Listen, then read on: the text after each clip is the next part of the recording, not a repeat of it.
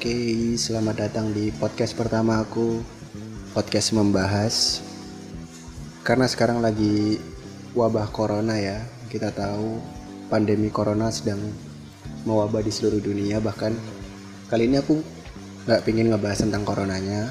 Aku lagi pengen ngebahas tentang gimana sih cara kita sebagai individu untuk bersikap tentang wabah corona ini. Yang paling pertama sih sebenarnya kalian jangan panik dulu apalagi kalau kalian orangnya suka main sosmed ya. Yang pertama cari sumber yang paling terpercaya yang bisa kalian percaya lah.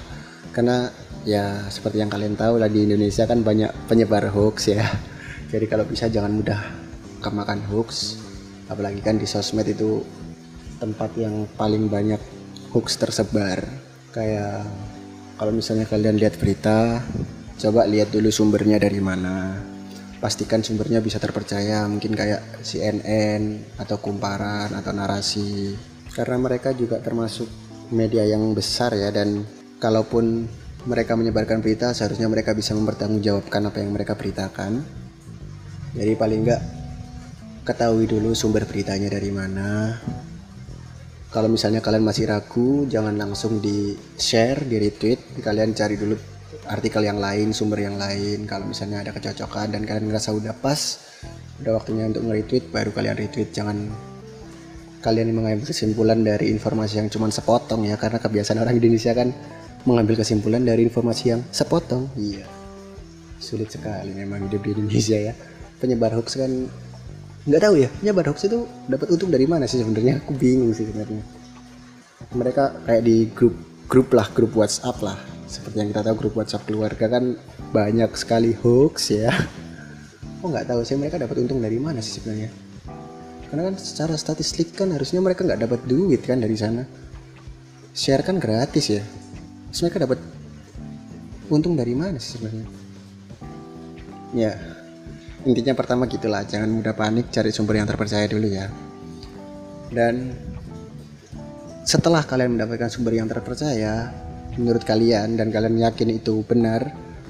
Yang kedua jangan merasa sok benar dulu. Kalau misalnya nih kalian habis nge-retweet atau habis nge-tweet sesuatu yang kalian ngerasa kalian sudah ngambil sumbernya dari sumber yang banyak, sumber yang terpercaya terpercaya dan tiba-tiba ada yang komen nih dengan pendapat yang berbeda dari kalian, jangan jangan disalahin juga kan karena belum tentu juga kalian benar dan belum tentu juga mereka salah. Bisa aja dari dari tweet kalian dan dari komennya mereka itu bisa jadi sesuatu yang benar. Mungkin harus ada beberapa yang dilurusin dari tweet kalian dan dari komennya mereka juga. Jadi jangan terlalu merasa sok benar juga. Apalagi sekarang kan tentang wabah virus ini banyak yang nyangkut pautin soal agama apalagi pemerintah kan juga sedang menginstruksikan kita untuk mengkarantina diri di rumah. Apa-apa di rumah kerja di rumah ibadah di rumah sampai MUI mengeluarkan fatwa bahwa meniadakan sholat Jumat dan sholat berjamaah di masjid. Itu pun masih ada yang tidak menurut. Masalahnya gini sih ya gimana ya? Mau nggak nurut juga ini MUI loh bro yang bilang bro. MUI MUI itu bukan Ustadz ECEC bukan Ustadz yang ada di RT kalian. MUI itu ulama bos. Majelis Ulama Indonesia. Ulama. Ibaratnya kan mereka ilmunya lebih tinggi lah. Maksudnya kan mereka nggak mungkin mengeluarkan fatwa yang tidak dipikirkan dulu. MUI itu ada banyak nggak cuman satu orang. Jadi mereka pasti musyawarah dulu dong pasti bikin rapat dan akhirnya mereka bikin kesimpulan. Lagian kan tujuannya kan juga baik. Paling nggak biar kalian tidak tertular sama corona dong. Emang kalian mau kalian niat bagus ibadah tapi kalian malah kena virus? Iya. Ya, mungkin emang sih banyak yang ya nggak tahu ya aku juga nggak mau membenarkan ini sih. Cuman emang banyak perdebatan siapa lagi masalah agama ya. Agama kan di Indonesia kan sangat rentan untuk terusik lah. Sangat rentan sekali. Jadi paling tidak ya kalau misalnya sekarang pemerintah udah nyuruh kita mengkarantina ya diturutin lah. Karena apalagi mereka kan lagi pemimpin kita. Pemimpin kan nggak mungkin ya mungkin sih mem mungkin mementingkan diri mereka sendiri. Tapi kan mereka juga pasti mementingkan kepentingan rakyat.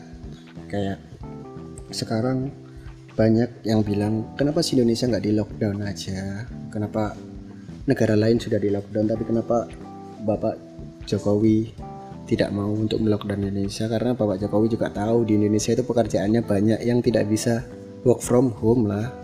Kayak di Indonesia kan banyak pekerjaan jasa ya kayak Gojek. Kalian kalau misalnya gini deh gini deh. Ibaratnya kita Indonesia sudah di lockdown. Udah di lockdown nih kita nggak boleh keluar rumah sama sekali kalian sudah belanja mungkin sudah belanja kebutuhan makan kebutuhan dan lain-lain. Tiba-tiba ada kebutuhan lain atau mungkin stok makanan kalian sudah habis emang kalian mau pesan di mana? Di GoFood. Orang GoFood kan kena lockdown juga dong. Mereka kan nggak bisa kerja buat ngirim kiriman kalian. Dan restorannya kan juga pasti tutup. Jadi Pak Jokowi mungkin juga memikirkan tentang hal itu sih jadi ya mungkin keputusannya Pak Jokowi juga banyak pertimbangan ya. Nggak tahu mungkin setelah podcast ini keluar mungkin Indonesia bakal kena lockdown atau apa. Tapi saat podcast ini dibuat Indonesia sih masih belum kena lockdown ya.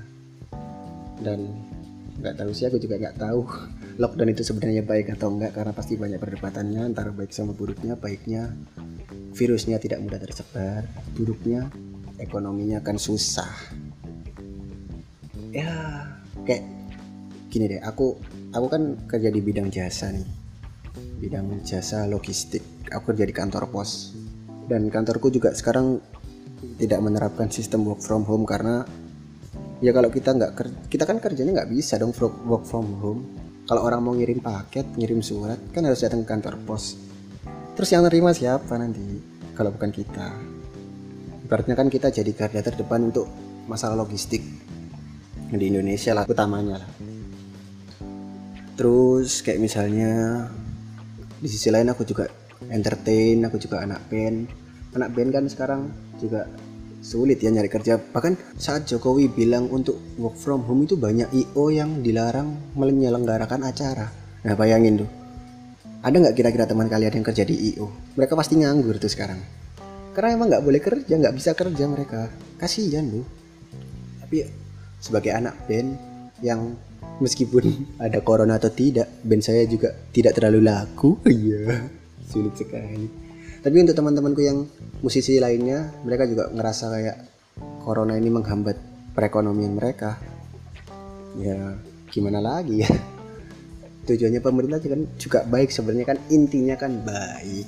Meskipun kalian bilang ya kan tapi kita bisa jaga diri kita kita bisa menjaga kebersihan kita dan lain-lain.